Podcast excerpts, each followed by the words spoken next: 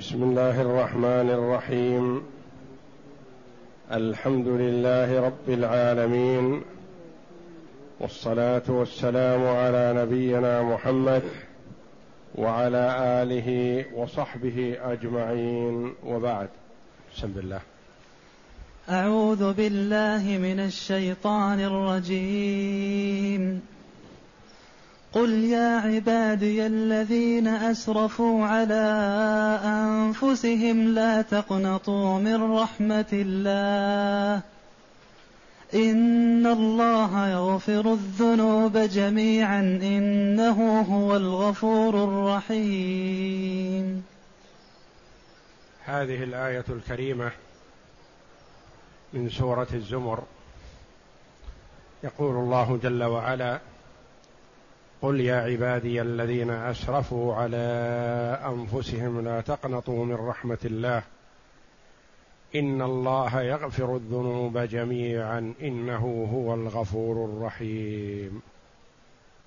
قل الخطاب للنبي صلى الله عليه وسلم يبلغ الأمة عن ربه جل وعلا أنه يقول يا عبادي الذين اسرفوا على أنفسهم.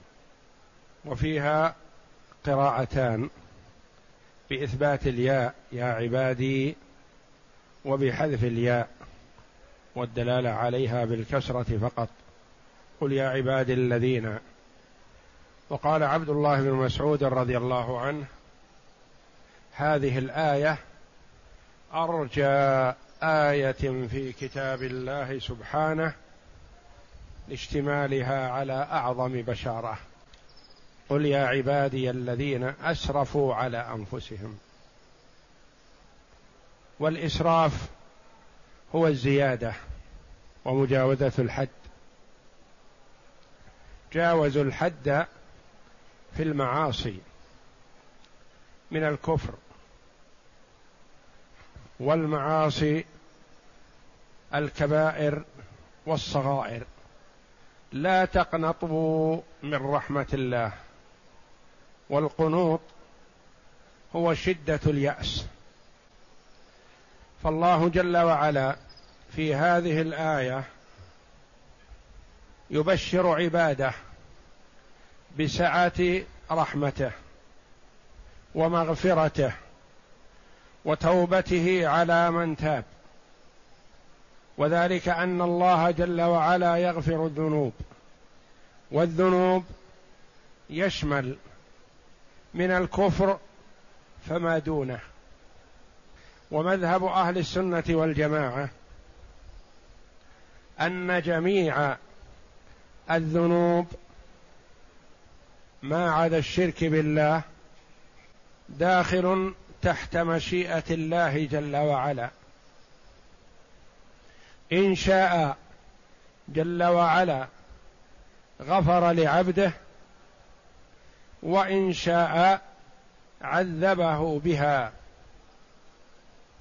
وأما الكفر والشرك فإن هذا مقطوع بأن صاحبه لا يغفر له لأن الأدلة القرآنية والأحاديث الصحيحة أثبتت ذلك كقوله جل وعلا إن الله لا يغفر أن يشرك به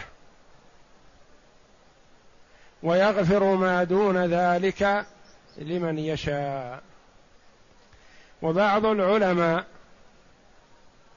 قال الداخل تحت المشيئة هو الصغار. وأما الكبائر فلا تغفر إلا بالتوبة منها. وهذا القول خلاف ما دلت عليه الآية. فالله جل وعلا يغفر إذا شاء لعبده الصغائر والكبائر ويتجاوز عنها لأن هذه الآية عامة شاملة فيها بشارة للأمة قاطبة. وإن قال بعض المفسرين وروي عن كثير من الصحابة رضي الله عنهم أنها نزلت في كذا أو كذا أو كذا فالعبرة بعموم اللفظ لا بخصوص السبب. فروي أنها نزلت في كفار قريش خطابا لهم ودعوة لهم إلى الإيمان لأن بعضهم أرسل إلى النبي صلى الله عليه وسلم وهو في المدينة قالوا إنما تدعو إليه حق وإن مما نزل عليك والذين لا يدعون مع الله إلها آخر ولا يقتلون النفس التي حرم الله إلا بالحق ولا يزنون ومن يفعل ذلك يلقى أثاما. وقد فعلنا ذلك كله. فكأنهم يقولون فما الفائدة؟ ماذا نستفيده من إسلامنا؟ فأنزل الله جل وعلا قل يا عبادي الذين أسرفوا على أنفسهم لا تقنطوا من رحمة الله. وقال بعض الصحابة رضي الله عنهم نزلت في وحشي قاتل حمزة. أرسل إليه النبي صلى الله عليه وسلم يدعوه إلى الإسلام.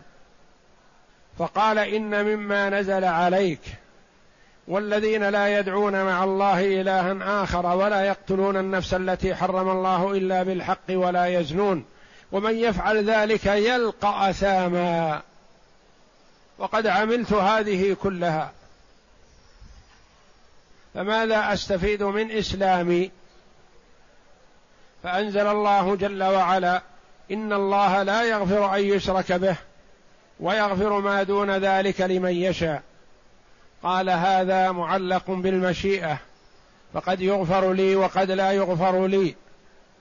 فأنزل الله جل وعلا قل يا عبادي الذين أسرفوا على أنفسهم لا تقنطوا من رحمة الله إن الله يغفر الذنوب جميعا. ولا شك أن التوبة من الشرك تمحه ويغفر للعبد. والتوبة من سائر المعاصي تمحها ويغفر للعبد. وإذا مات على الشرك فلن يغفر الله له. وإذا مات على الإسلام والتوحيد مهما اقترف من الكبائر فإنه داخل تحت المشيئة. وهذا مذهب أهل السنة والجماعة خلافا لبعض الطوائف الضالة الذين يقولون إذا مات على الكبيرة فإنه يكون خالدا مخلدا في النار. قل يا عبادي الذين أسرفوا على أنفسهم لا تقنطوا من رحمة الله. إن الله يغفر الذنوب جميعا. وعد من الله جل وعلا. إنه يغفر الذنوب جميعا. والألف واللام في الذنوب هذه للاستغراق لجميع الذنوب. ولا يستثنى من ذلك إلا الشرك لأنه مستثنى في آية أخرى. فهو يشمل الصغائر والكبائر. ثم أكد ذلك بقوله جل وعلا إنه هو الغفور الرحيم. فهو موصوف جل وعلا بصفة المغفرة هو الغفور وموصوف بصفة الرحمة جل وعلا فهو رحيم وهو أرحم بعباده من الوالدة بولدها. بسم الله الرحمن الرحيم.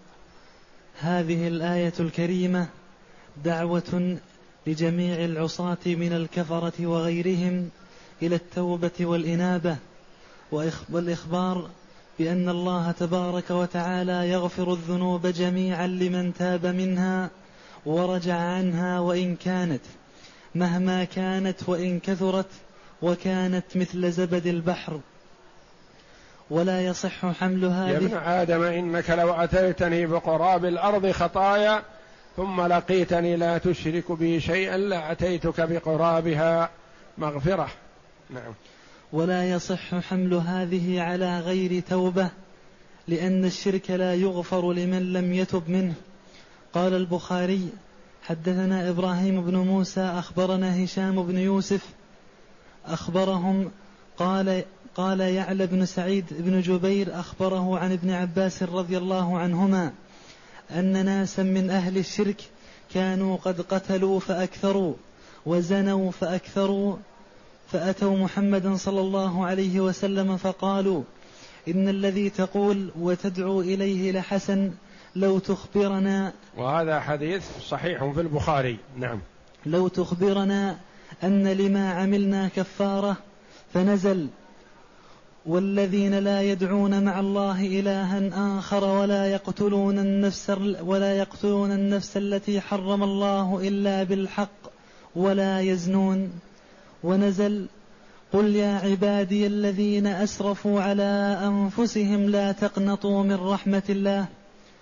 وهكذا رواه مسلم وأبو داود والنسائي.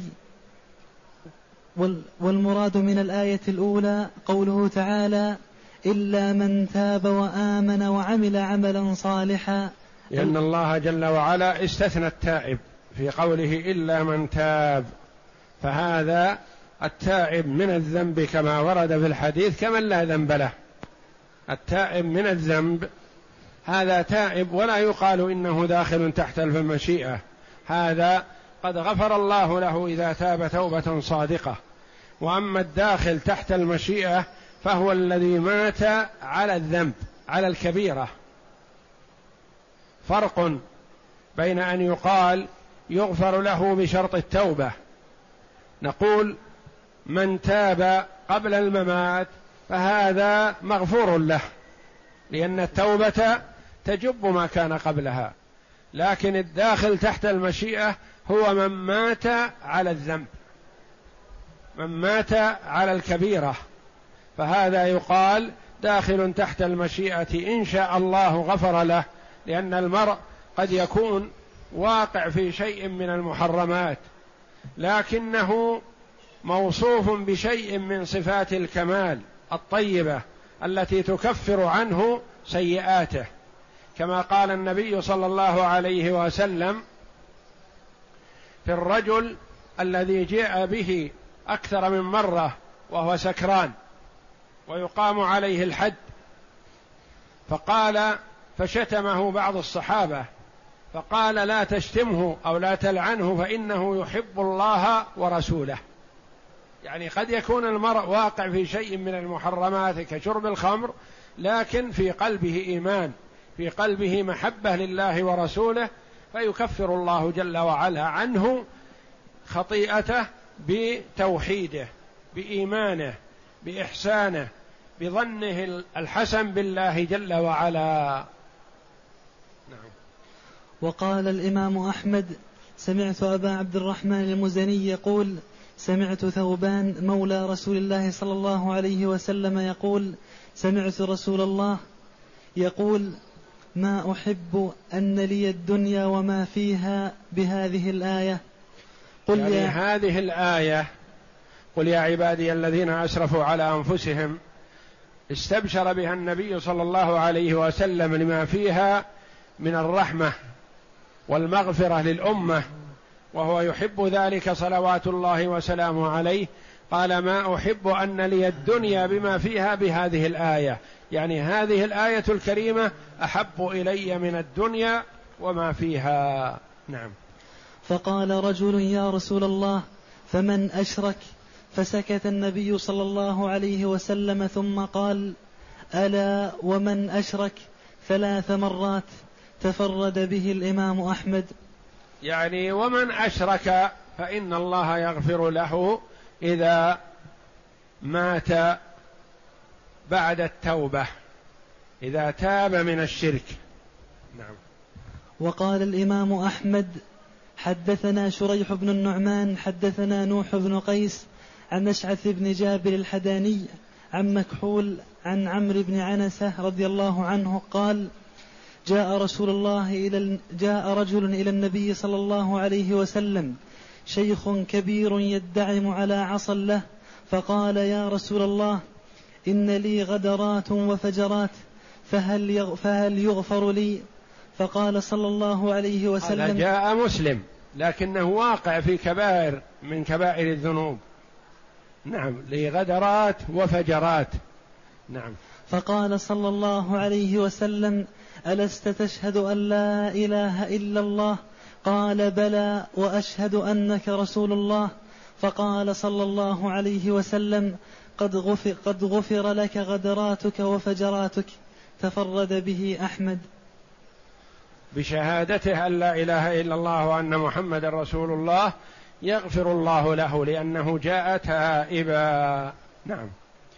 وقال الإمام أحمد حدثنا يزيد بن هارون عن حماد بن سلمة عن ثابت أن رسول الله صلى الله عليه وسلم يقرأ إن إنه عمل غير صالح وسمعته صلى الله عليه وسلم قال قل يا عبادي الذين أسرفوا على أنفسهم لا تقنطوا من رحمة الله إن الله يغفر الذنوب جميعا ولا يبالي إنه الغفور الرحيم.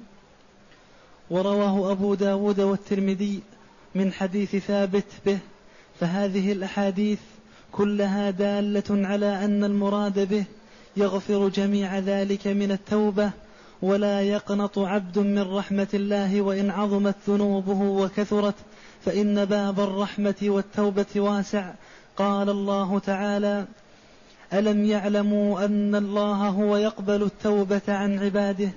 وقال عز وجل ومن يعمل سوءا ويظلم نفسه ثم أو يظلم ومن يعمل سوءا أو يظلم نفسه. ومن يعمل سوءا أو يظلم نفسه ثم يستغفر الله يجد الله غفورا رحيما. وقال جل وعلا في حق المنافقين إن المنافقين في الدرك الأسفل من النار ولن تجد لهم نصيرا إلا الذين تابوا وأصلحوا. وقال جل جلاله لقد كفر الذين قالوا إن الله ثالث ثلاثة وما من إله إلا وما من إله إلا إلا, إلا إله واحد. إلا إله واحد وإن لم ينتهوا عما يقولون ليمسن الذين كفروا منهم عذاب أليم. ثم قال أفلا يتوبون إلى الله؟ نعم. ثم قال ثم قال جلت عظمته أفلا يتوبون إلى الله ويستغفرونه وهو والله غفور رحيم. وأخرج ابن جرير وابن المنذر عن ابن عباس رضي الله عنهما قال قد دعا الله إلى مغفرته من زعم أن المسيح ابن الله ومن زعم أن الله ثالث ثلاثة ومن زعم أن يد الله مغلولة ومن زعم أن عزيرا ابن الله ومن زعم أن الله فقير.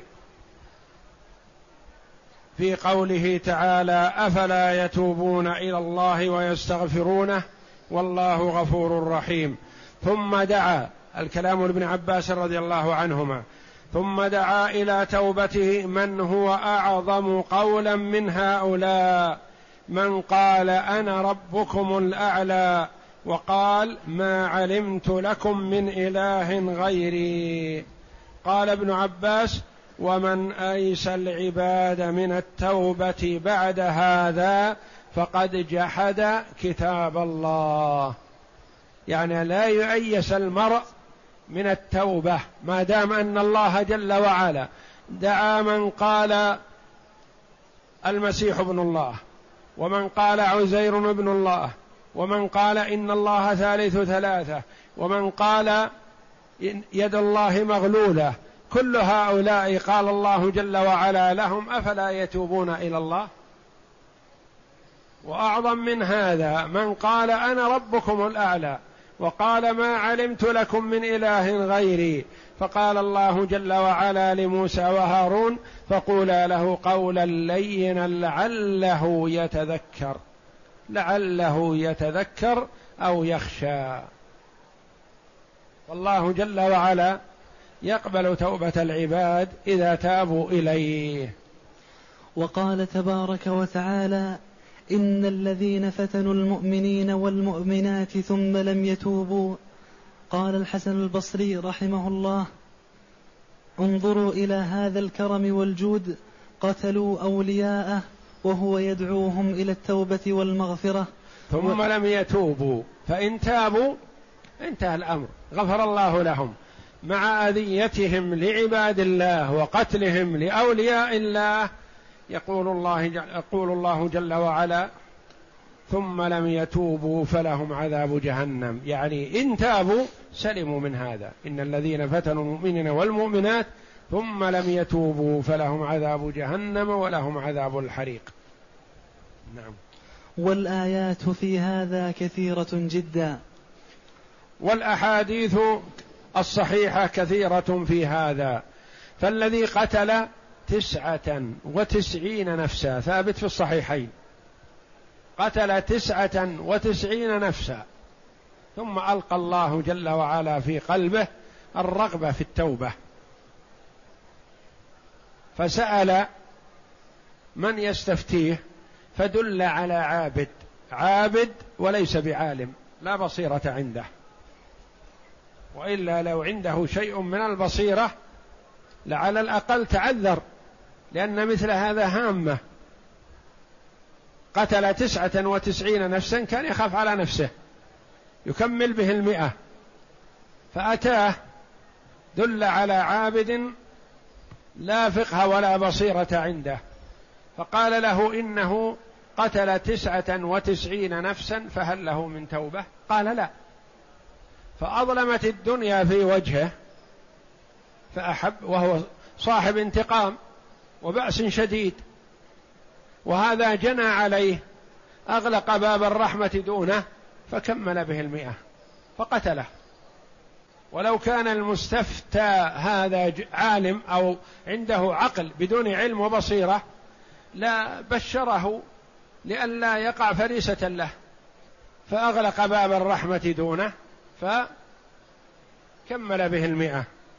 ثم ألقى الله جل وعلا في قلبه الرغبة في التوبة. فسأل عن أعلم أهل الأرض فدل على عالم. فجاءه فقال له إنه قتل مئة نفس فهل له من توبة؟ قال نعم. ومن يحول بينك وبين التوبة؟ باب التوبة مفتوح. ولكن بلادك هذا الذي قتلت بها مئة نفس بلاد سوء. لا يصلح أن تقيم فيها. فاذهب إلى غيرها. والحديث ثابت في الصحيحين فجاءه ملك الموت في الطريق. قبل أن يعمل خيرا إلا مجرد النية الطيبة. فاختصمت فيه ملائكة الرحمة وملائكة العذاب. ملائكة الرحمة يقولون خرج تائب وملائكة العذاب يقولون ما عمل خيرا قط. مجرم. قتل مائه نفس. فأرسل الله إليهم ملكا في صورة إنسان وأمرهم أن يختصموا إليه. فقال لهم قيسوا ما بين البلدين. فقاسوها فوجدوه إلى بلد الأخيار أقرب بشبر. وفي رواية أنه ناء بصدره لما جاءه ملك الموت دفع بنفسه إلى البلد التي هو متجه إليها فصار أقرب إليها بشبر. وفي رواية أن الله جل وعلا قال للبلد التي هو متجه إليها تقربي.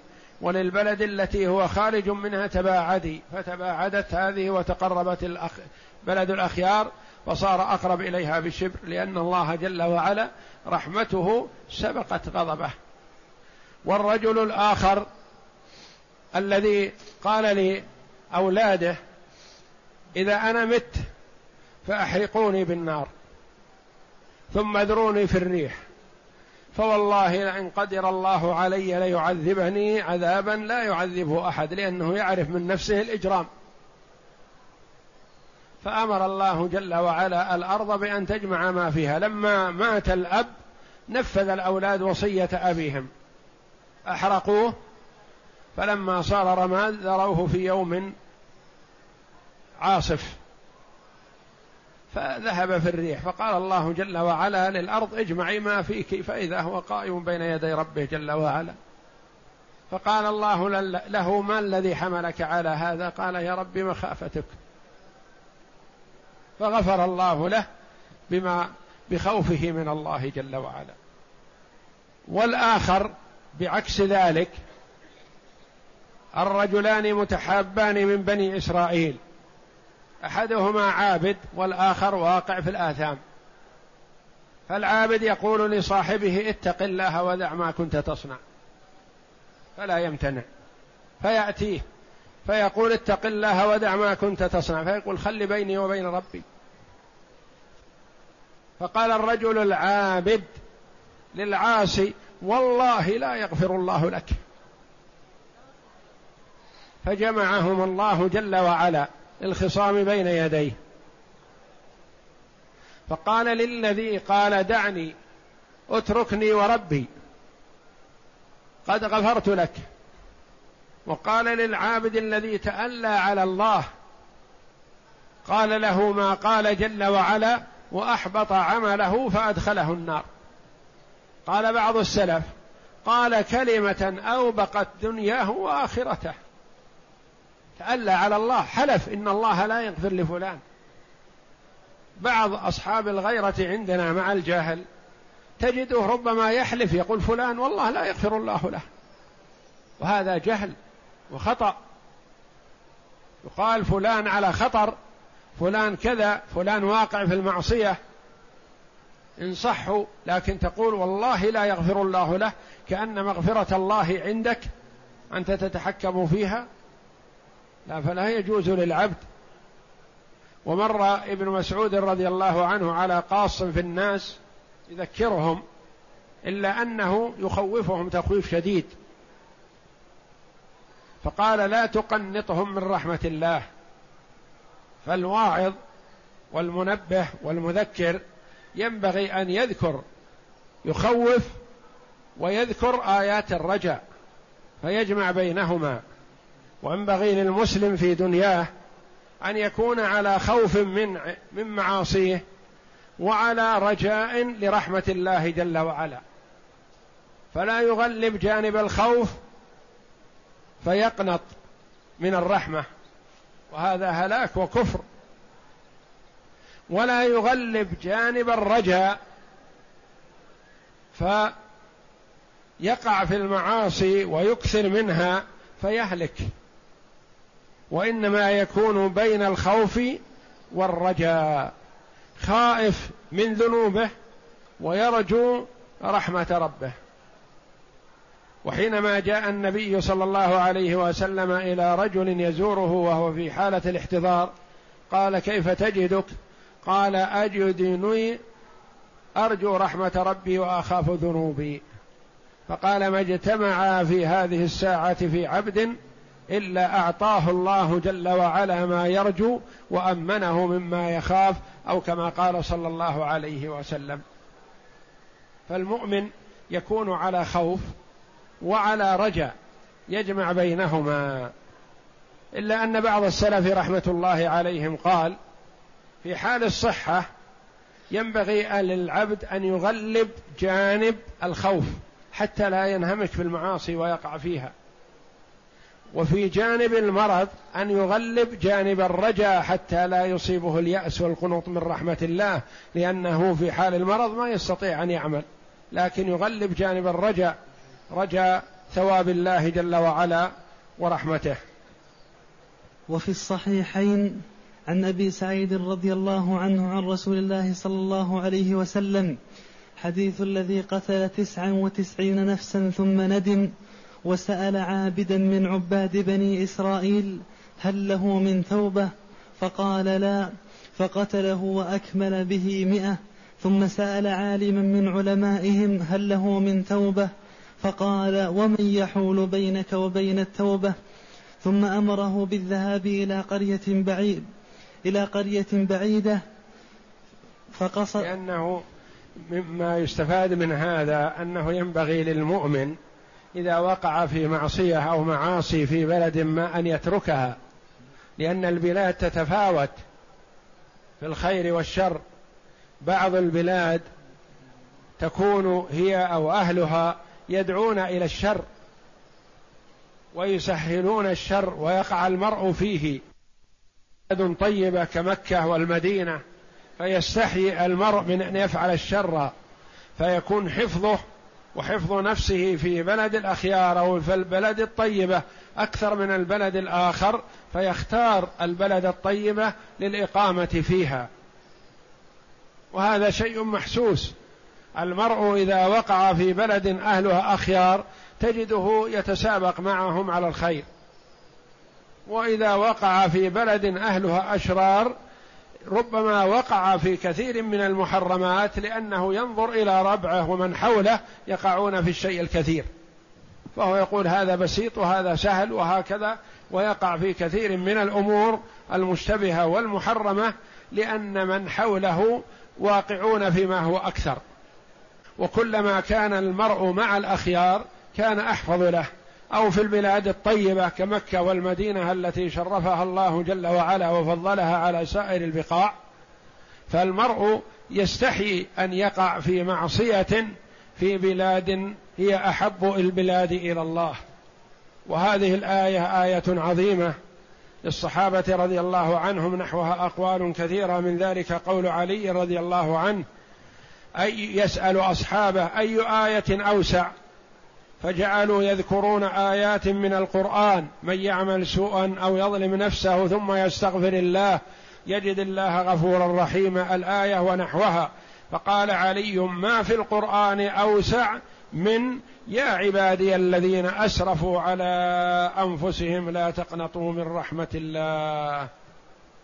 فهذه الآية آية عظيمة يفرح بها المؤمن لكن ينبغي له أن يحذر المعاصي. فلا يستسهل المعاصي من أجل هذه الآية لأن الله جل وعلا توعد بعدها. بعدما أمر بالإنابة قال لا يأتي المرء أمره على غرة. لا يستسهل المعاصي فيؤخذ على غرة والعياذ بالله فيختم له بسيء عمله فيكون من أهل النار. ثم أمره بالذهاب إلى قرية يعبد الله فيها فقصدها فأتاه الموت في أثناء الطريق فاختصمت فيه ملائكة الرحمة وملائكة العذاب. فأمر الله عز وجل أن يقسموا ما بين الأرضين فإلى أيهما كان أقرب فهو منها فوجدوه أقرب إلى الأرض التي هاجر إليها بشبر فقبضته ملائكة الرحمة.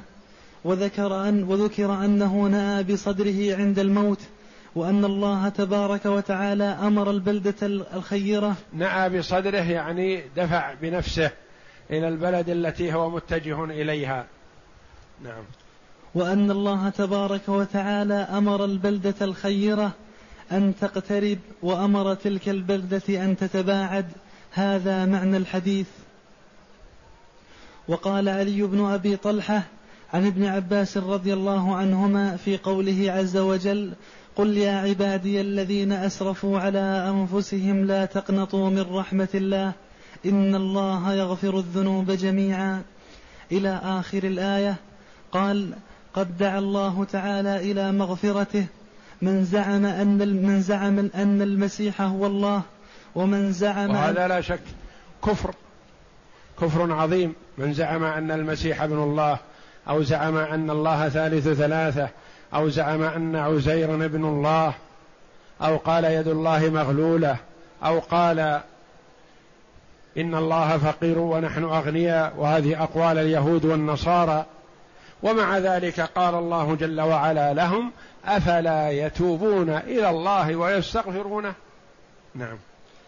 ومن زعم أن عزيرا ابن الله ومن زعم أن الله فقير ومن زعم أن يد الله مغلولة ومن زعم أن الله ثالث ثلاثة.